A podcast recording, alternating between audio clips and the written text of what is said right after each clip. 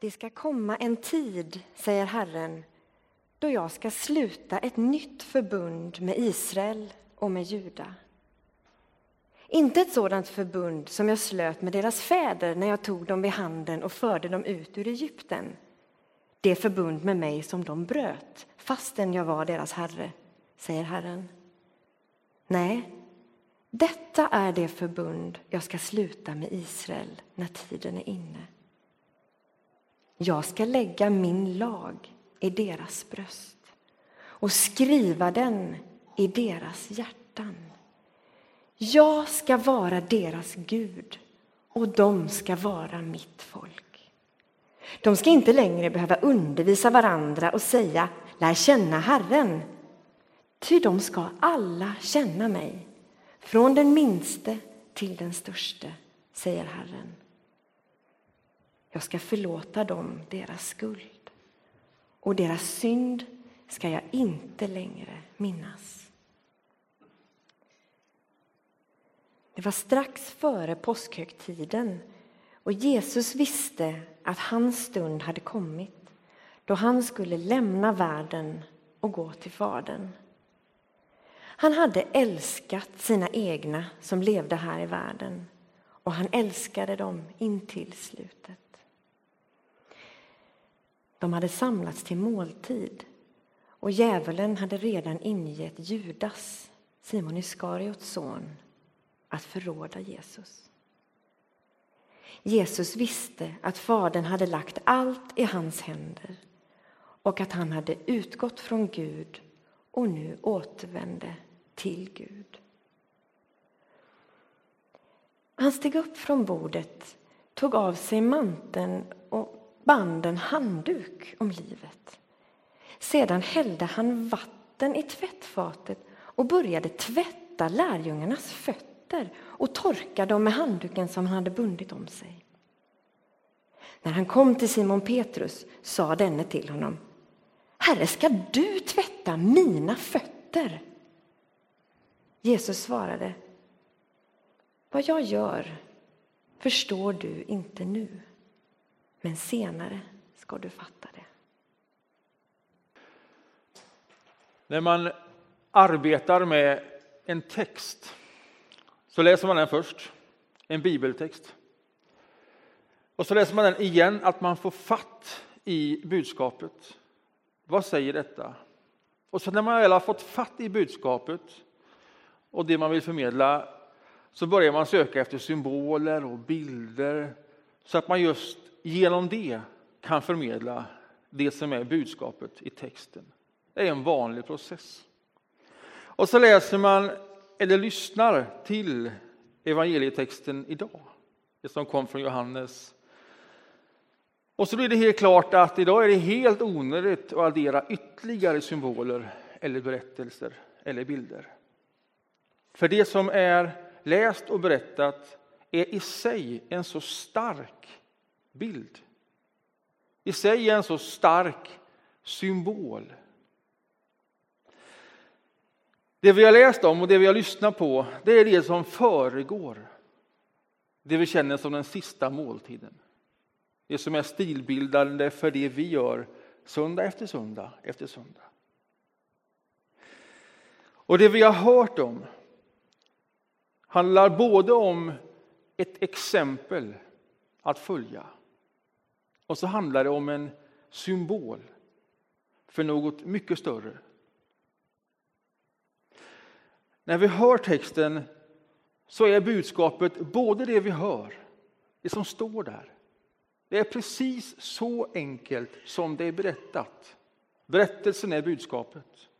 Och samtidigt i den berättelsen så finns det ett ännu större budskap. Och I den meningen är det både exempel och symbol för någonting större. I båda fallen exemplet och symbolen handlar om kärlek. Vi för oss genom Johannes ord mot sluttampen i Jesu liv och han vet det mycket väl.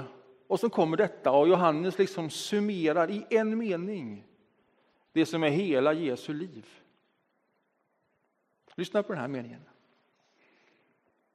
Han hade älskat sina egna som levde här i världen.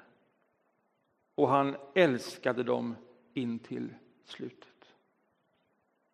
Det summerar allting. Det var hans liv. Och det var där han var. Och det är det som händer i den här berättelsen. Han hade älskat sina egna som levde här i världen. Och han älskade dem in till slutet. Vad är kärlek? Vad betyder det att älska någon? Det blir ju lätt diffust, abstrakt, luddigt om man ska sätta ord på det där. Ibland blir kärleken för mycket sammanblandad med känslor.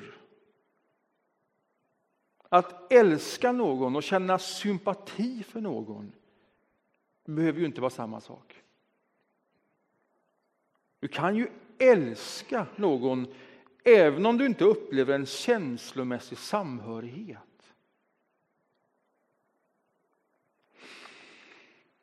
Det som utspelar sig precis före den sista måltiden, det vi upprepar ikväll och med hela kyrkan sen den här kvällen, är en kärleksförklaring. I det här dramat definieras vad kärlek är. Låt oss påminnas om det vi har hört läsas. De hade alla lagt sig till bords för att dela måltiden, den sista. Och när alla ligger till bords för en festmåltid, det är då Jesus reser sig upp, tar av manteln och binder en handduk om livet. Alla förstår vad som sker. Han gör sig i ordning för att tvätta deras smutsiga fötter. Någonting som i sig inte alls var ovanligt, men som gjordes när det gjordes av den yngste eller ringaste i hushållet. Och så börjar han tvätta deras fötter. En efter en. Och så uppstår det protester. Det är Petrus. Han vägrar. Inte här. Och så säger Jesus till Petrus, det här förstår du inte nu. Låt det hända. Sen ska du förstå. Och så går han längre än så, Jesus, och så säger han till Petrus, det är till och med så här, om jag inte tvättar dina fötter, om du inte låter det hända, då har du ingen gemenskap med mig. Vad är det han ska förstå sen som han inte förstår där? Alltså vad är det för berättelse? Vad är exemplet? Och vad är symbolen? Ja, exemplet det är precis det som står. Det är så enkelt och det är så radikalt som det står. Jesus tvättar deras fötter. Mästaren blir tjänaren. Den störste blir den minste. Och lyssna nu. Han tvättar allas fötter. Även den som protesterar. Och trots att han visste att en av dem som han tvättade fötterna på redan hade bestämt sig för att förråda Jesus, överlämna honom och svika så helt och fullt. Och likväl tvättar han allas fötter denna kväll. Den kärleken som definieras så är ju oerhört radikal. Den har inga gränser. Den lämnar ingen utanför. Han går hela laget. Allas fötter tvättar han. Protest eller inte. Den gäller alla, den sortens kärlek och ska inte blandas samman med sympati. Åtminstone inte likställas. För den kärlek som Jesus definierar, det är en handling. Det är ett exempel som man kan följa. Ja, han säger det. Det här har jag gjort. Det här är ett exempel. Så att nu ni kan göra som jag gör. Och så lägger han till, för att liksom ännu mer dra åt detta, det är vår skyldighet att älska på detta sättet. Som vi har tagit emot kärleken, så ger vi den vidare. Och det är precis så handfast som det står skrivet och berättat. Det andra som Petrus sen ska förstå, utöver exemplet, det är ju att detta samtidigt är en symbol för någonting ännu större. Tillbaka till berättelsen. Det Jesus gjorde när han reste sig upp, tog av sig manteln och band en handduk om livet och tvättade deras fötter. Det är ju också det som händer följande dag när han avrättas på ett kors. Det är samma berättelse en gång till. Där ger han sitt liv för dem. Liksom han gör för oss. Kommer ni ihåg hur Johannes beskriver detta? Han älskade dem in till slutet. Det är vad denna berättelse också berättar. Den är symbol för det totala utgivandet. För den fulla kärleken. Och om han inte tjänar oss helt och fullt